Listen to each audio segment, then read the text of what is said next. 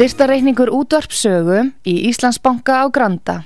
Útubú 513, höfubók 26, reikningur 2.11.11. Nánari upplýsingar á útvarpsaga.is. Takk fyrir stöðningin. Heimsmálinn í umsjón Artrúðar Karlsdóttur. Fréttir og fréttatengt efni af Erlendum Vettvangi.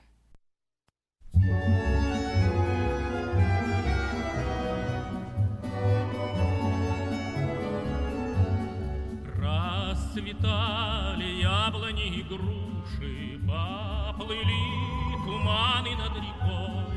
Выходила на берег Катюша, На высокий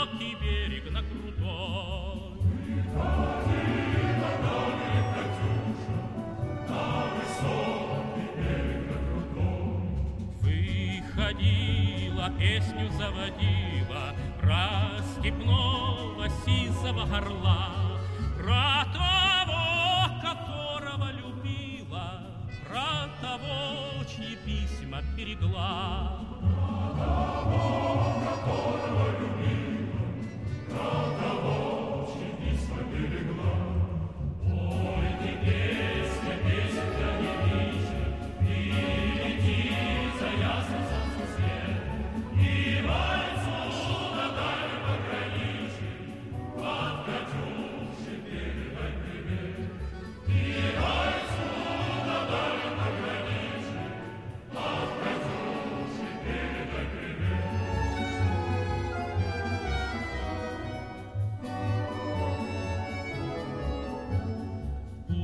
он вспомнит девушку простую, Пусть услышит, как она поет, Пусть он землю бережет родную, А любовь Катюша сбережет.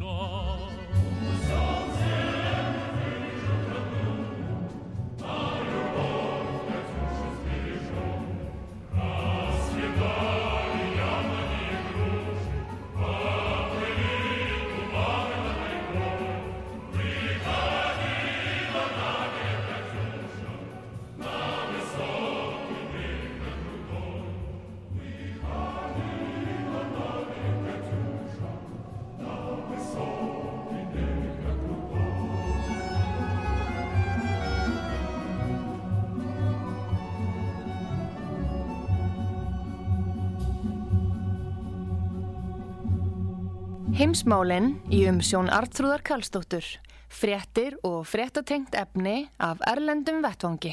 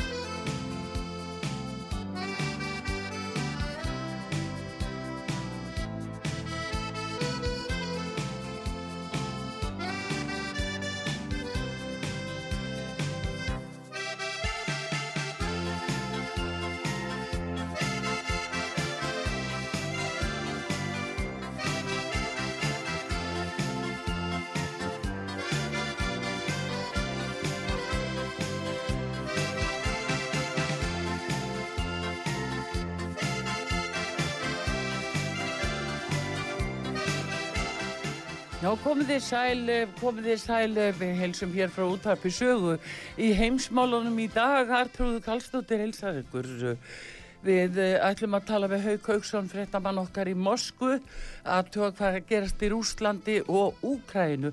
Það eru margvíslega frettir sem að þaðan berast og í raun og veru veit kannski engin almennilega hvað er að gerast en búist við strísátökum allt í gangi. Svíjar tala núna eins og að þessi undirbúa stríð við rúsa búinir að eh, senda auka herlið til eh, Gotlandsegja og eru þar á æfingum. Nú rússar hafa sendt herlið yfir til Kvítarúslands sem er að byrja æfinga núna í februar þannig að það er ómeist hvað er að gerast. En hins vegar þá ætlum við aðeins að byrja á því að heyra hvað að gerast í breska þinginu því að Boris Jónsson hann hangir á bláþræði menn viljan í burtu og það er sótt mjög á honum.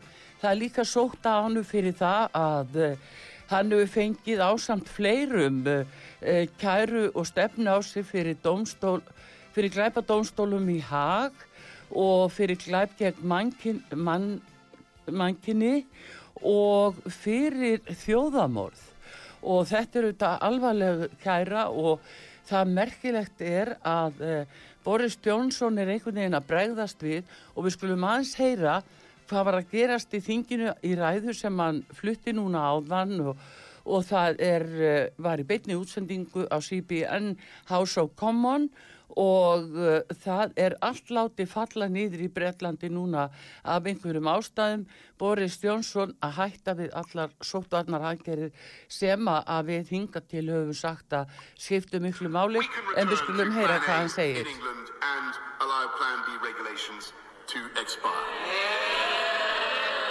As a result from the start of Thursday next week mandatory certification will end Organisations can, of course, choose to use the NHS COVID pass voluntarily, but we will end the compulsory use of COVID status certification in England. Yeah. From now on, the government is no longer asking people to work from home. Yeah. And people should now speak to their employers about arrangements for returning to the office. And having looked at the data carefully, the Cabinet concluded that once regulations lapse, the government will no longer mandate the wearing of face masks anyway. Mr. Speaker. Já, þetta var Boris Jónsson í breska þinginu núna áðan og hann er að tilkynna að þessi að láta af meiriháttar sótvarnar aðgerðum þar að segja um, nú munum við allir geta unnið uh, eins og venjulega niður með grímurnar og uh, þeir ætla að sleppa bólefnapassunum, þeir vil ekki taka þátt í þessu og segja bara nei, núna getur lífið farið að færast aftur í samt horf.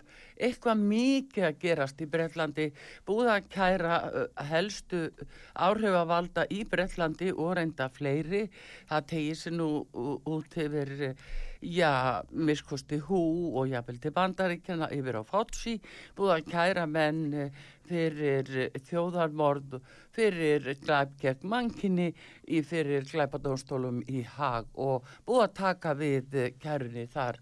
Þannig að eh, eitthvað er Boris Jónsson að hugsa sinn gang minnst þú kosti búin að gera og tilkynna þessar breytingar sem er algjör nýlunda í þessu öllu en við ætlum að fara yfir til Rúslands, það er Haugur Haugsson okkar maður í Mosku sem er á línunni. Góðan dag Haugur.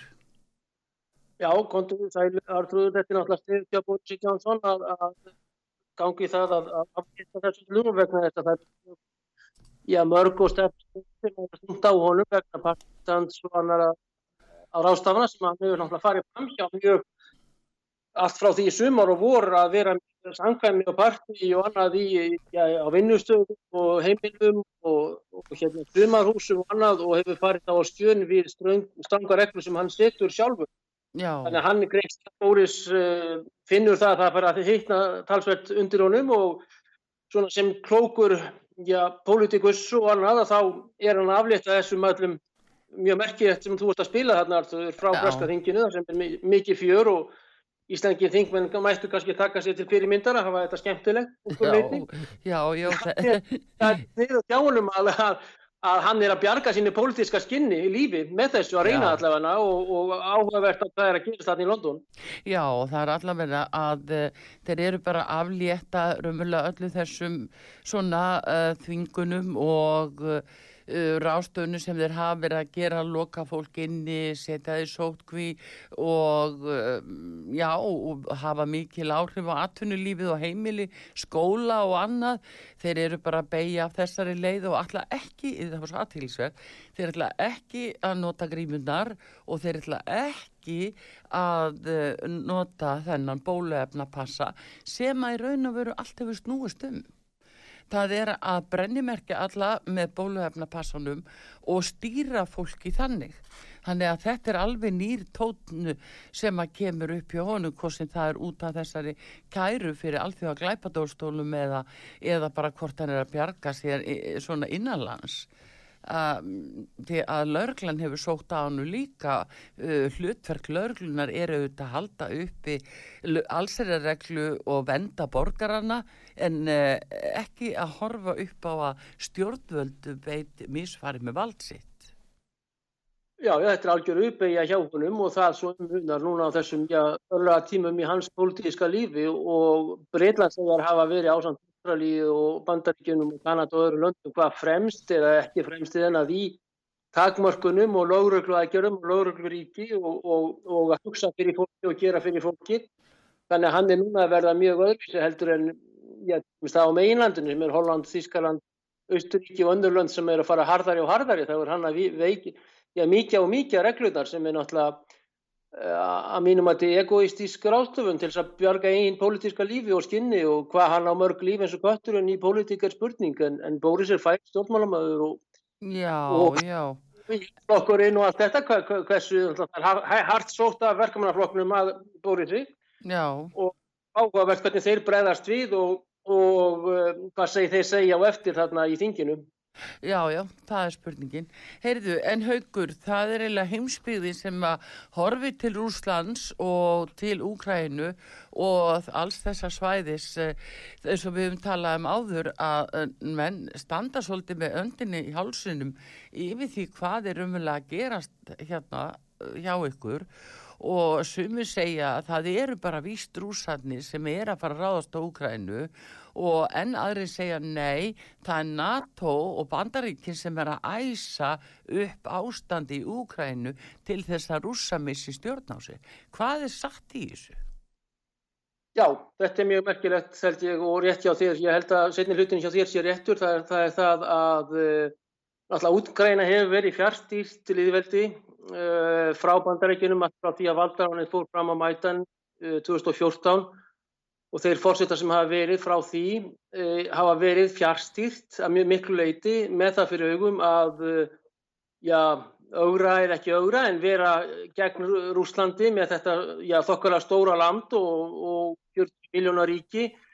Já, til þess að nota sem front á, á móti rúsum og Rúslandi og ekki síst rúsneskum uh, þjóðarhagsmunum sem að já, Putin og félagar í Kreml eru farin að leggja áherslu á að þeir hafi og eigi og séu eðliðar einnir úr þeirra, úr þeirra ranni en, en ástandið er mjög, mjög ja, eldfimt í landinu og, og hörðustu menn vilja sem sagt og virðast stefna á stríð og það kannski sem er áhyggjöfni er það að það eru mjög sterk öll neðan jarðar eða, eða ósýnilegu öll um, sem að toga í spotta sem að vilja stríð. Já. Hvað var það fólk og almenning bæði hér í Rúslandi og í Kvítarústindi og Úgrænu sjálfri að þá er litlimaðurinn og almenningur og fólk sált og, og fólk þarna á Gotlandi á eigunum sænsku er ekki trifið af þessu bröldi og hernaða bröldi en það eru NATO-sinnar, það eru um, Stoltenberg, það er Anders Fló sem að var danskur uh,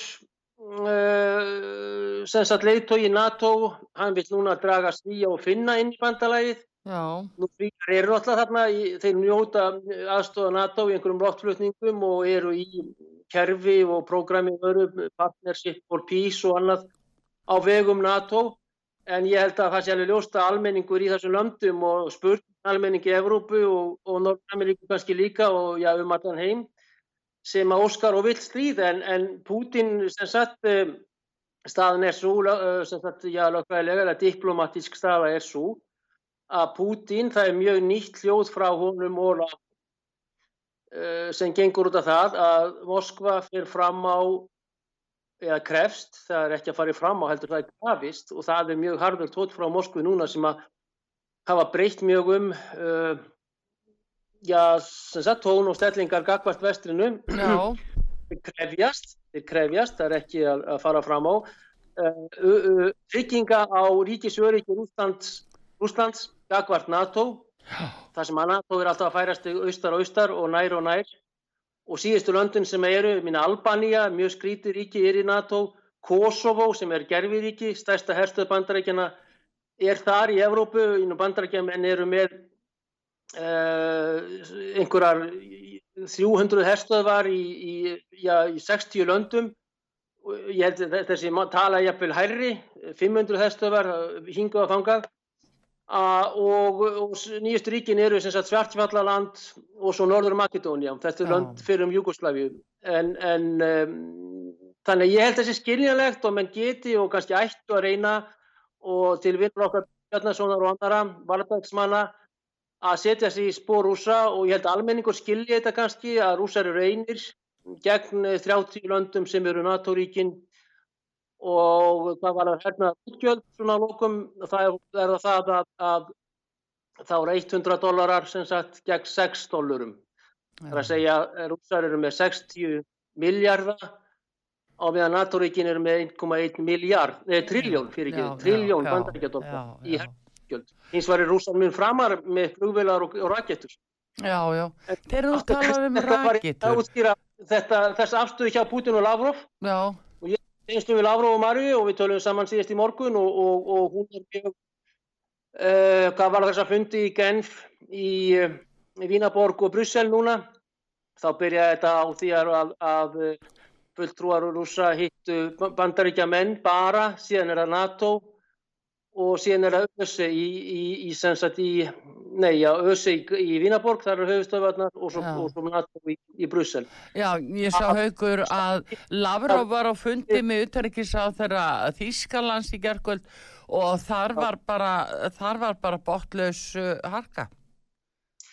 Hún er hérna í Anne-Greti Berbok er hérna, Anne-Linni Berbok er í Moskvu núna, hann fór uh, frá Berlin uh, í fyrradag og var í Kíf, gerði í gærs og hún hitti Lavrov hér í gær og hvað séu, hún er fulltrúi græningja Já. en ég held að menn sé ekki neitt og Blinken ætlar að hitta Lavrov það með skilst á förstu daginn 21. þá hittir Blinken Lavrov í Lavrov flýgur þá til, til Brussel og en ég held að sé ekki vegna þess að þeir sem eru núna í kvítahúsinu sem er undir náttúrulega bætinn stjórnmöldum og demokrataflokksins að það var annur tótt þegar að, þegar að Trump var í kvítahúsinu þegar hann var fórsviti bandarækjana að demokrataflokkurinn og ekki Stinken og kannski Núland og annað fólk sem sagt orthodox fólk, giðingar og annað síjónista fólk að það, það er fólk sem að skiptir kannski ekki máli en einhverju þetta vegna það kannski hjálpar ekki til mjög andrúsnest í sinni náttúrum og Blinken kemur náttúrulega vel fyrir Antoni, Tóni og þess áttar en uh, hann er mikil rússofób inn í sér Já. og Victoria Nuland líka og innst inni í administration og inni í establishmentinu í bandríkjanum e, telja menn hér í Moskvu eins og ég sagði áðan frá einstaklega e, litlar líkur á e, góðum viðbröðum með þessum kröfum, rúsa, diplomatísku kröfum og svo, síðan alltaf innan NATO að, að Anniken Hütfeldt sem er auðvitað Noregs hjá Jónasi Garstöru í verkamannafloknum. Hún er jákvæð, Ítalir og, og Draghi og þeir eru jákvæðir í Róm, nú Macron er svona okkurlega þetta, spurning með Berlín með, með Berbok en Græning er mjög á bandi, bandi já, bandi. Já, já, já, hún var alveg þessum, hún var alveg, alveg þessum. Var það ekki? Já, já, já. og svo náttúrulega pólverarnir, Sikorski og, og Radovan sagt, og, og hérna Mattius Moraveski og alltarnir, þar að segja uh, Ísland, Lettland, Litáen Uh, uh, þetta eru lönd sem eru hörðust og kannski eins og til dæmis Moravetski og, og um, Kaczynski í Pólandi að þetta eru menn sem vilja bara fá fleiri flaugar yfir frá Þískalandi Já. og Lukashenko þá að svara því eins og við fórum yfir með þér artuði fyrir mörgum nokkrum dögum mm -hmm. Þetta eru menn sem myndu bara að grípa Kalasnikov uh, eða M16 eða Hekleirun Koch eða, eða franskar eða hvað sem þetta er eða breskar einhverja velbísur og byrja að skjóta ef við gætu. Mm -hmm. og, en, en svona rólegastu öflin eru í Oslo, Rómaborg og eitthvað í París. Mm -hmm. uh, Madrid er spurning með, uh, með þá, sóséljastu spurningina hún er alltaf lengra í burtu, bandaríkin eins og við vitum, Ottawa er höfuborg Kanada með Trudeau, uh, en þetta er svona rólegustu öflin spurning með Reykjavík, við vitum það ekki en þá, sem að vilja dialóg, sem vilja tala við rúsa og spyrir Lavrov um daginn á þessu að hans fundi hérna á fyrstæðin var um norska auðvitaðriksnáðarann uh, Huttfeld, Huttfeld á Jónasíka og hann sagði að hún væri að gera réttu hlutina með því að vilja dialóg eða vilja tala við rúsuna. Það var svar Lavrovs við minni spurningu núna í lóksíðistu viku. En, en síðan alltaf með Tyrki og önnur svona síðri líðveldi er þeir, þeir leika fjó ekki tveimur heldur, tveimur fjórum, fimm skjöldum og, og allt þetta. Tyrkjafaktorin er þessi. En, en, já, en formatið sem sagt er, er Rúsland eitt gegn 57 ríkjum ösi. Rúsland er reyndar uh, hluti þessa, þessa apparats, 30 ríkjum NATO og svo einna móti einum þá er að Putin og Biden í innvíi. En eins og ég sagði áðan að þá er ekki mikil bjart síni á því að, og þeir krefjast skriflegra artrúður. Það er merkilegt og mikilvægt helgi líka sem að Maríja laði áherslu í okkar samtali morgun. Já. Að rúsa skriflegra undirskrifta. Ég spurði hann að því hvort að það er því þá frá 30 ríkjum, frá 57 ríkjum eða frá einna mót einum, þar sem frá bandrækjumunum. Hún voru ekkit út í það og svo spurning kom flatt upp á hana og hvaða stimplar ættu að vera þarna. Rústar sinn stimpil.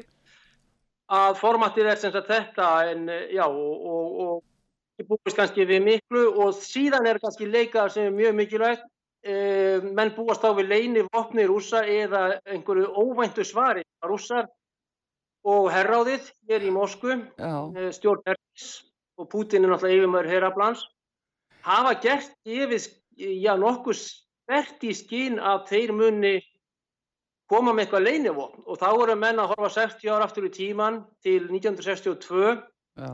og er bara kúpudeilan Já, já, akkurat, akkurat alveg og þá er að vegna þess að menn hafa gert sér, eh, já, gefið í skín og ekki bara einhverjum blöðum eða einhverjum fréttaslampar eða fréttahaukar eða annað heldur í, á hæri, hæri stöðum, ábyrða kvöldum stöðum og, og postum um það að rússarmunni núna hefja virðaður í við Caracas og Havana og Managua, segja höfuborginnar í Kúbu, Venezuela og Nicaragua.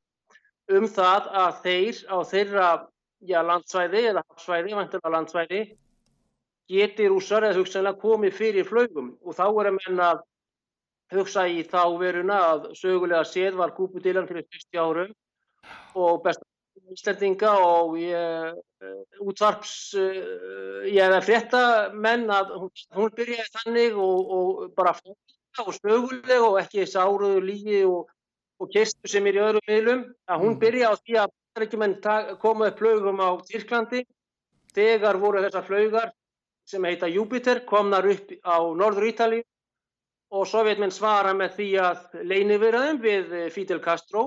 Og þá var það Nikita Khrushchev og eh, Gromyko.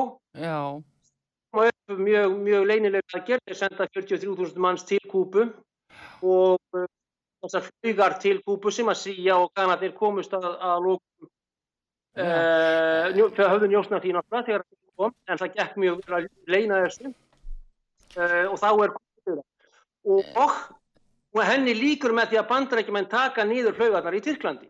Já. þannig að menn er að horfa til þessa núna en þá ber kannski að horfa á flaugar í Rúmeni og Pólandi sem að já Já, en, en hérna, nú eru rússar að tala um að setja flögar upp á Kúpu eða í Venezuela.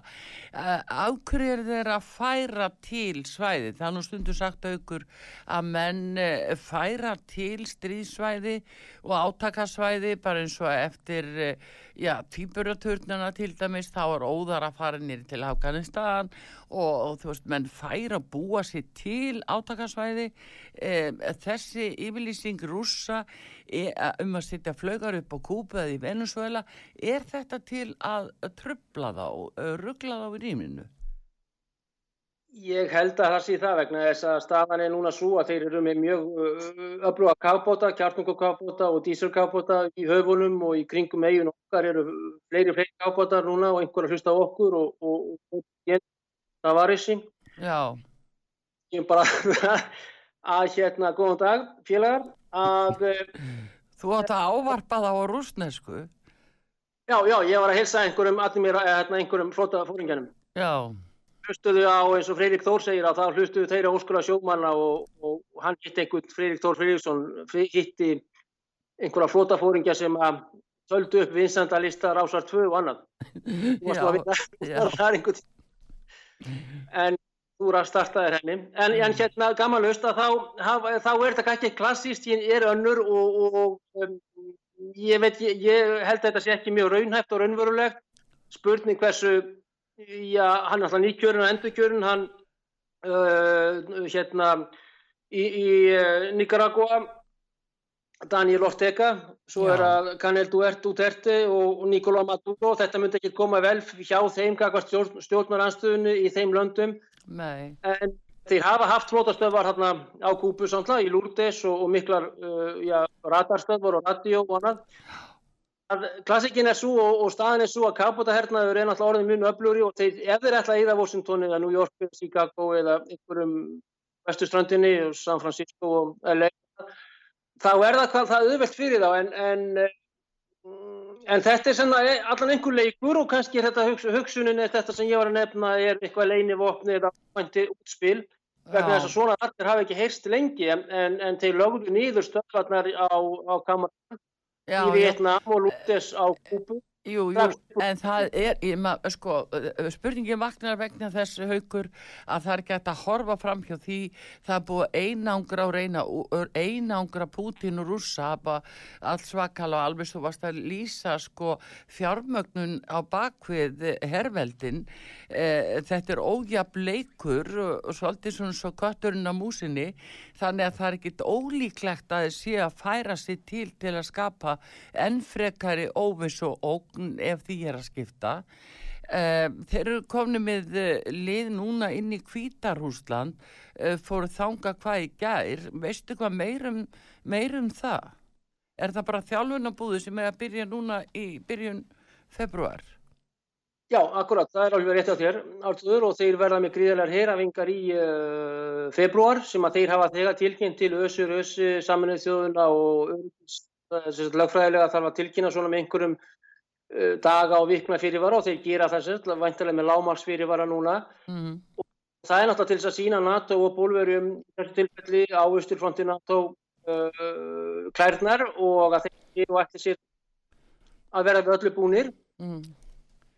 og uh, þeir eru menna vegna þess að NATO menn eru hér með mikinn viðbúna talsverðan viðbúna manna og herafingar stöðut frá Norður Núri og til Rúmini og Konstanza og þeirra borga Þeir eru að sína svar kannski við þessu og það sem að rússar segja líka, þeir eru heimaslóðum, þeir eru heimi hjá sér og í sínu sambandsríki sem að, og tollabandalæðinu sem er Kvítarúsland, en þessar bandarísku sérsveitir og, og sásmenn og aðrir sem sagt sem er specialist service frá Breitlandi, þeir eru að þjálfa menn og, og þetta eru langt í burt frá einn landamærum og, og þessir herrmenn frá Kanada eða Núringi eða, eða Breitlandi eða já, og Fraklandi og öðrum ríkjum eru fleiri fleiri þúsund kílometra, hundru kílometra og eitthvað þúsund kannski frá já. eigin he, he, he, heimili já. en og það að segja kalla upp við þröskuldin á Rúslandi sem að ég held að sé ekki eftir að mótmæla þannig að það eru líka sem að ég held að skynnsamt fólk uh, taki og skilji og uh, reyni að, að róa þetta allt vegna þess að þetta getur allt enda það þarf svo lítið að gerast skiluru til þess að allt fari hund og kött. Það er einhver miskilningur eh, einhver skjót einhver staðar af svo virkar ekki rauðisinn og þá er hindir að skjóta aftur. Þannig að þetta getur verið mjög hættulegu leikur í rauninni og já. Já, já, þannig að það er svo sem allra veðra von þarna í raun og veru sko, ef maður reynir að átta sig á því þetta hvað er það samt sem að NATO byður rúsana um svona með formlegum hætti? Hvað er það nákvæmlega sem þeir byðja þá um? Já, þeir í rauninum ánægla er þetta að um, Gorbachev hittir eigan hann í höfða 24. oktober 1986 uh, á Íslandi. Svo hittast þeir aftur í Genf og Azorei, hvað sem þetta var og, og Vín og Þá segir Gorbachev og að Sjöfanatsi eh, Edvard Ambrosevits sem var hans utarriksræðura hafi talað við Baker já, í á einhverjum fundi, hvort það var í, í grilli á sögu eða einhvers þar annar staðar, að þá hafi komið fram eða, eða dinnir í sendiráðunum eða í Galastræti að uh, NATO færi ekki tómmu sem sagt ins, uh, þeir notuðu ekki sovjerska og millimetra eða sentimetra, ins tómmu þar að segja í austur átt í austurblokkinni. Austur Tískaland jafnvel yrði NATO lust svæði, hernaðar lust svæði. Þarna átt að gera belti frá uh, Norður Finnlandi, Norður Svíþjóð í gegnum allan miða-Európum þar sem þegar fyrir eru Austuríki og Sviss sem eru NATO, ekki NATO-ríki, Írlands uh, sem að yrði svona bufferzóna, það er að segja stuð, stuð, hvað heitir þetta, stuð, stuðbúði eða stuðari, já, já, bufferzón, bufferzón fyrir sovjetmenn og menn náttúrulega vissi ekki að sovjetmenn að, að, Rússla- að sovjetikinn myndu leysast upp eftir þarna þessi einhver hvað, já, stuttan uh, sex eitthvað ár, já, já, já, fjögur ár, 86 já, að, og enginn bjóst við því, mjög merkilegt, en og þarna, þarna glemdi Sjevarnatsi og Gorbachev og Fali og þessi kallar og, og Jakolev að fá undirskrift bandarækjumanna sem að Putin krefst, krefst núna að fá undirskrift á svipuð plögg um það að NATO fari ekki inn í fyrrum sovjetliveldin að undantalinni uh, Ístrasallandunum þrjemur, þar að segja Úkrænu, Moldavíu og, já, og Grúsíu, Georgíu, sem að uh, já, hefur vist líka áhuga allavega nú, núverandi stjórnvöld.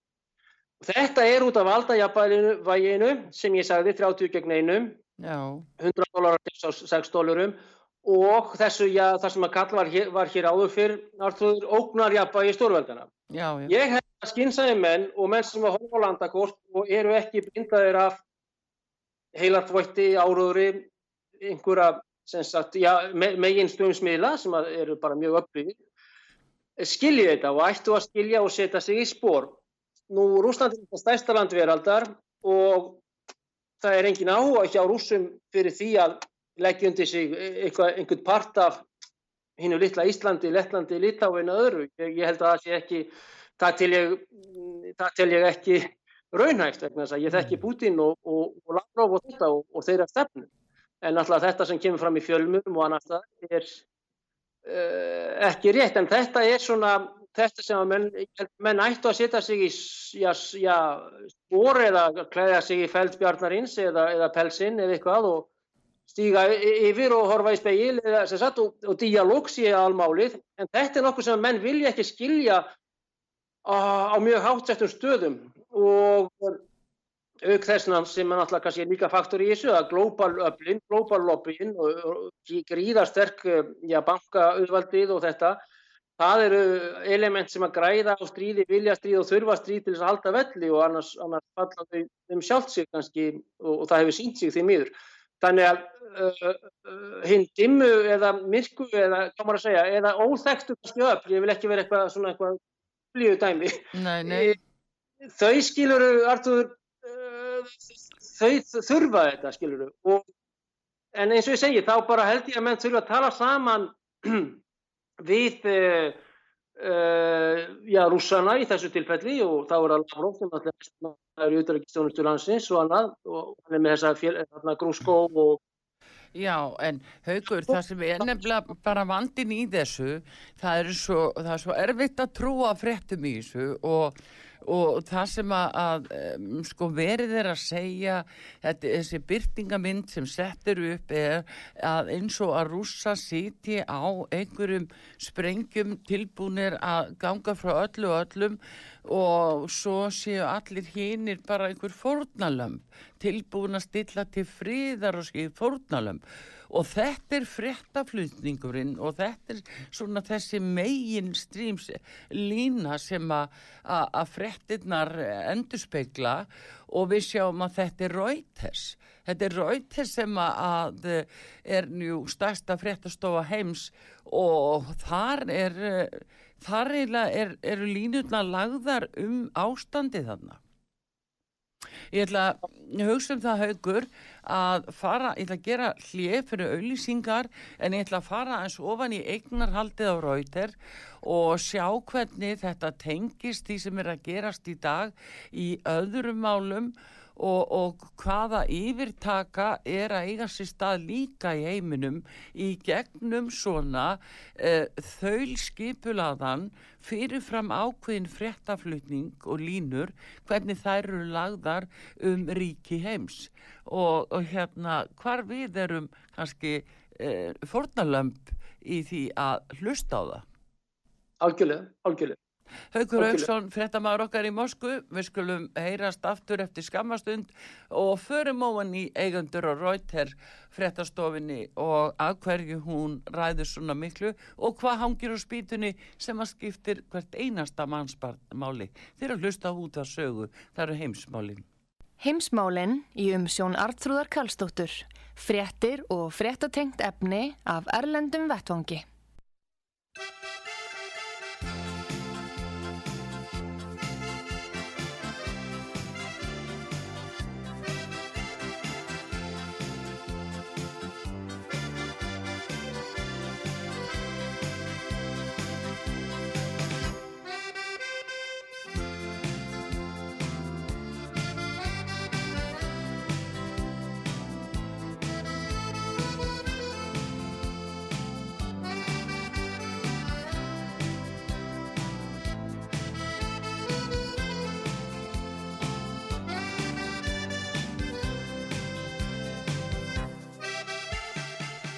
Já, komið þið sæl aftur þegar að hlusta á heimsmálinn í dag á útarpi sögu. Artrúðu Kallstóttir með ykkur og Haugur Haugsson, fréttamaður okkar í Moskvu. Við höfum auðvitað verið að tala um stöðuna sem er upp í Rúslandi þessa óvissu og hvað hangir eila á spýtunni þarna. Af hverju er verið að segja okkur það stöðut í fréttum að rússa séu líklegi til að ráðast inn í Úkrænu og sé að undibúa innrás í Úkrænum. Akkur er frettaflutningurinn svona? Akkur er ekki brot af einhverju annari hlið málsins í einhverjum fjölmjölum? Og vitiði að það er auðvitað rautir frettastofan sem að stýrir meira að minna þessu mainstream fjölmjölum í allri Evrópu og þó viða væri leitað en minnstakosti uh, rautir er uh, stærsta frettastofa heims og og kannski 98% af öllu sem við lesum í kvöldblöðum og blöðum og horfum á í ríkisjóastöðum kemur þaðan. Haugur, hvað segir um þetta? Hverjir hérna stopnuði Rauter og eiga Rauter? Já, það voru Rothschildarnir sem að stopnuði Rauter sem er klan uh, bankamanna eða auðmanna sem að hafa grætt hverja einasta stríði frá Napoleonstríðunum. Já.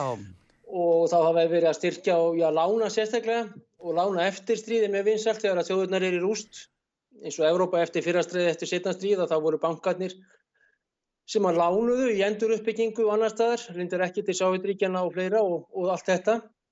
Þetta er til dæmis einn klan sem er mjög uh, leynilegur og þeirra kjörorði er það að vera ekki sjáanlegir en gera sem mest.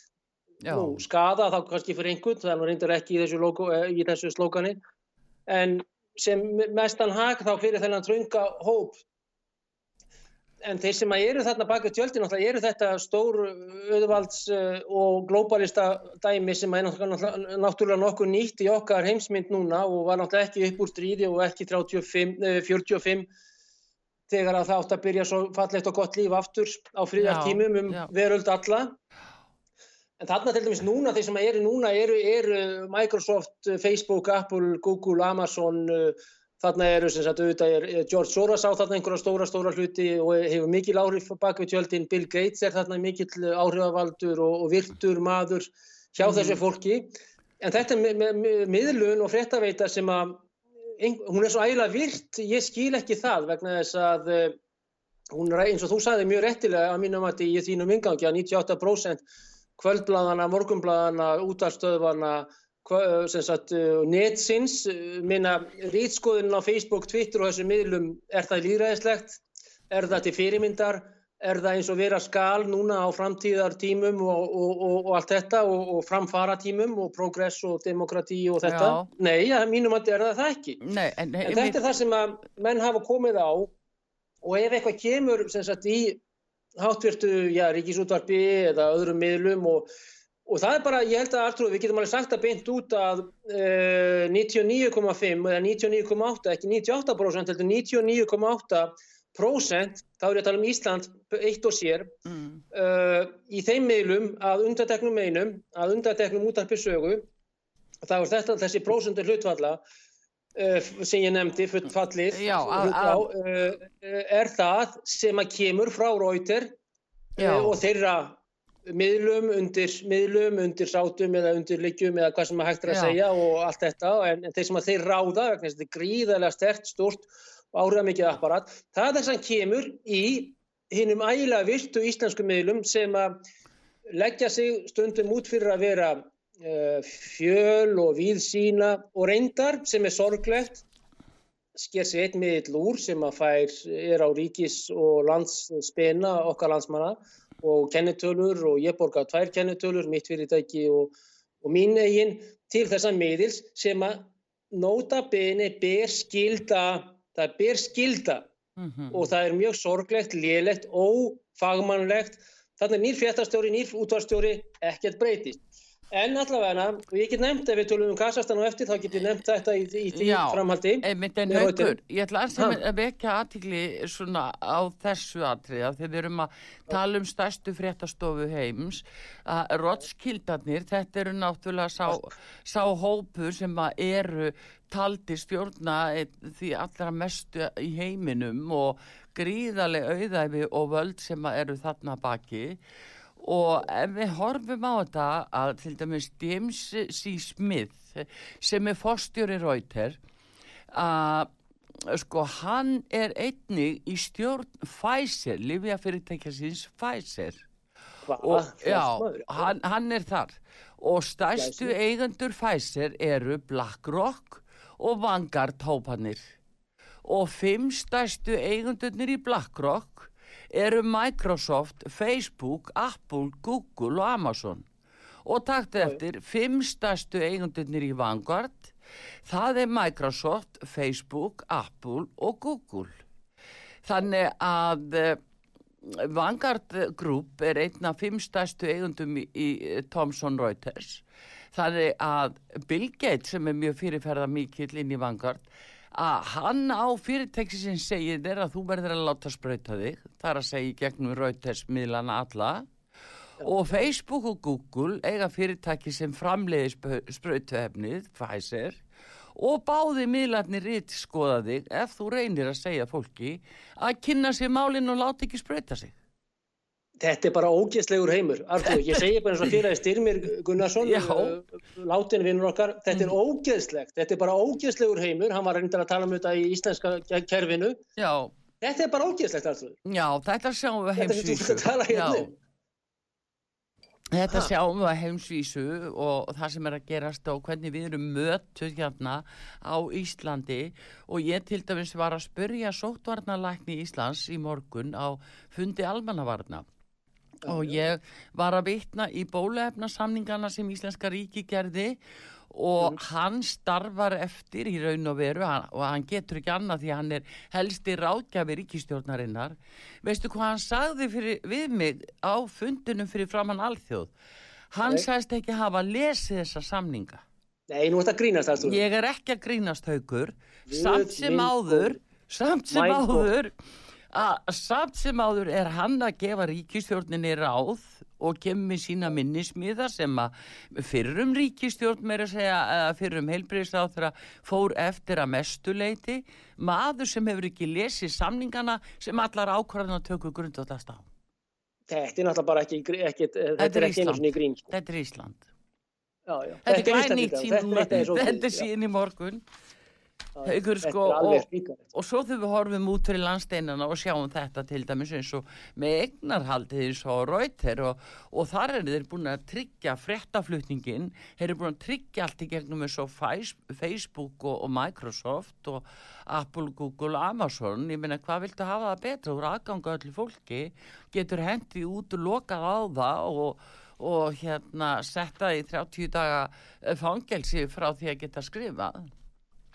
Já, ég er stöðut blokkaður af frásæri blessaður Facebook og þess vegna er ég mjög illa við það apparat og þetta njósna kerfi sem að Facebook og þessi blessaður Zuckerberg er að selja til FBI og CIA og svo hann að blokkera mig fyrir að hafa eigin skoðanir. En þessi, þessi hræstin er náttúrulega ömurleg. Já, og, og, og, og, og hérna hvernig menn líka undirlægi hátturinn á Íslandi og það þarf einhverja smá peninga kannski á þetta fólk en, en menn eru fjallkoninni voðalega fáklætt þetta er, þetta er svo ótrúlega Já, ömurlegt allt að því að sko, til dæmis að ef við horfum eins og Íslandi í þessu, skal ég bara að segja þér, að þá tala ég nú við sótvarnalækni og, og spyra nú sko einfallega út í það að því við sjáum í samningnum að honu líkur ekkit fyrir 2024 en hann saði það og fundi velferðarnemdar að þetta er ekki búið fyrir 2026.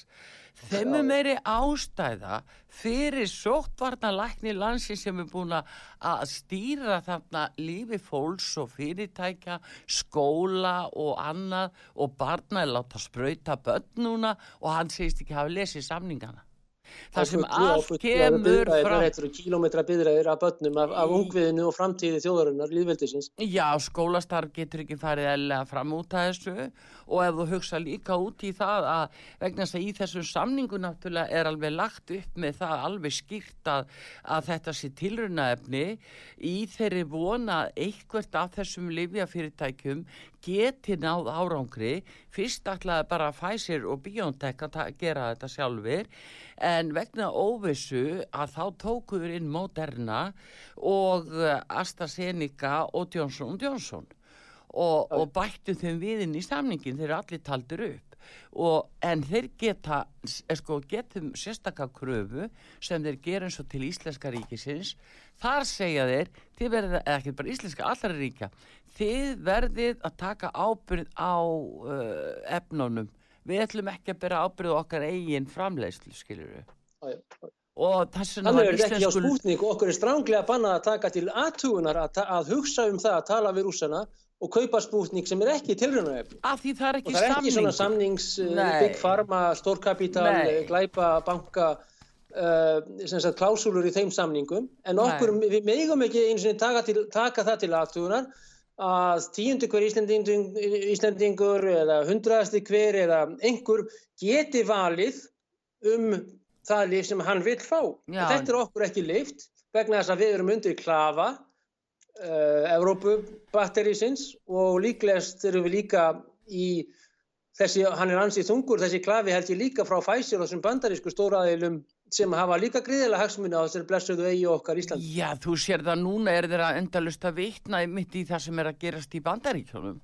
Hvað er ekki 370 miljónir sem búa þar, þeir eru endalust að bera okkur saman við þá núna, en það er út af tengslum við, við, við Fauci og þessi það sko, Fauci er að stýra þessu öll í bandaríkjónum og, og þú sér það að, að þessi BlackRock og Vanguard-tópanir að þeir náttúrulega fara ekki að taka rússa inn eða spútnik af því að það er, engin, það er engin tengslu Microsoft, Facebook, Apple, Google og Amazon. Akkurat, akkurat. Já, já. Hann er hafi ekki stýringu þar að lenda á fólki. Þannig að þetta er svona bundi við sko hverjir eru hvar að reyðra um sig. En, en svona... En nú eigum við að vera sjálfstæð þjóð og ekki, ekki hluti í bandarækina nýja Evrópusambandsins. Ég meina, er, er ekki hægt að fara að hlust, hugsa hvað var það viskitaksmunni og sölu á afurðum og fiski eitthvað sjálfstætt? Ég meina, Mm. akkur eru íslenskir pólitíkusar svona ódýrir? Já, ég veit ekki hvert maður á orða að þannig heldur sko, hvar hefur Sög. framsal á valdi og, og fullveldisréttur okkar verið eh, rýrður með þessum hætti. Hver gaf heimildina fyrir því að rýra fullveldisréttin okkar? Og, og af hverju er eh, fullveldisréttur okkar vanvirtur? Hvað hefur gerst í einhverjum samningu sem þjóðin veit ekki um og ef að sóttvarnalagnir hefur ekki lesið bólefnasamningana, hvernig er þetta ætlast til þess að þjóðin viti nokkuð skapaðan löt? Hvað er verið að gera við okkur? Já, já. já, já. Þetta er náttúrulega bara fjórflokkur eins og já, en, en sjáðu, jú, en þetta eru alheimsöflin sem að eiga fjölmiðlan á meðan stýringin er svona mikil inn á rúf til dæmis eftir 2008 þegar þeir voru gerðir að ofinböru hlutafélagi bara OHF þá má þingi lítið sem ekkert koma að neinu eftirlistarfi þar. Þannig að þeir geta sko gert það sem þeim sýnist í allskins samningu við ellenda aðila eða hvað sem er og, og borið hvað frétti sem er og það er erfitt fyrir þingið að grípa inn í nema að, að setja að, fram algjörða lagabreitingu. Já, já. En þegar við tölum við mitt um þetta og fréttaflutningin haugur, sjáðu Kassastan að e, mótmælinn þar og hvernig það var tólkað, e, nú veitum við að e, það urðu mikil mótmæli þarna í upphafi út af, já, bæði bensinhækkunum og síðan framkominu við óbólusetta svo kallað að þeir átt ekki að fá að taka út peningana sín í böngum og það átt að fara mistyrma þeim á tímabili. En svo komu óbrútnir aðilar eh, þarna, auka múslimar og fleiri sem sættu lægi og, og Þetta er algjörlega rétt og þetta er til dæmis sem ég merki hvað, hvað var það Kazakstan, hvað var það fréttaflutningu annað vegna þess að eh, eins og þú segir mjög réttilega þá var þetta vegna COVID-rástafana ríkistjórnarinnar í Kazakstan og síðan vegna bensínhækkana sem þetta kemur til.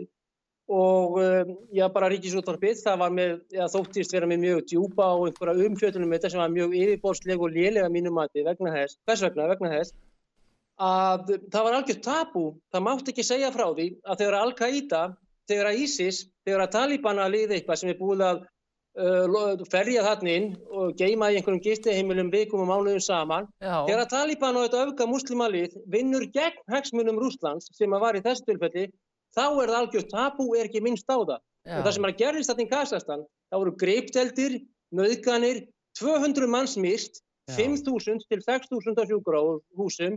Fólk er ennþá að deyja af sárum sínu, það dói tveir í gær, einn í dag, þarna í öllu Kazakstan. Uh, æstur múgur réðst inn í verslunarmiðstæður, vopnaverslanir, uh, skartgripabúðir, símabúðir, heilu mollunum, heilu verslunarmiðstöðunum var rústað af brjáluðum lí- líð sem að var þarna uh, búið að uh, æsa upp með bara, það er greinlega mjög auðvelt að æsa fólk þarna upp og síðan búið að ferja hérna inn í landið frá Afganistan, Pakistan og af, halgjörlega af halvu erlendra leyniðþjónusta sem að einnig stjórna já, þessum miðlum innan stóra gæsalappa. En þegar vöndu svo kvölduð fréttastofa er að ræða þetta að þá er ekki minnst einu orði á allir þessi morð á götum úti á það að sjúkrahúsmenn eh, var rifið út úr bílónum og barið og drepið með stappi á fótum og nefum, hjúkurunarkonur og annað.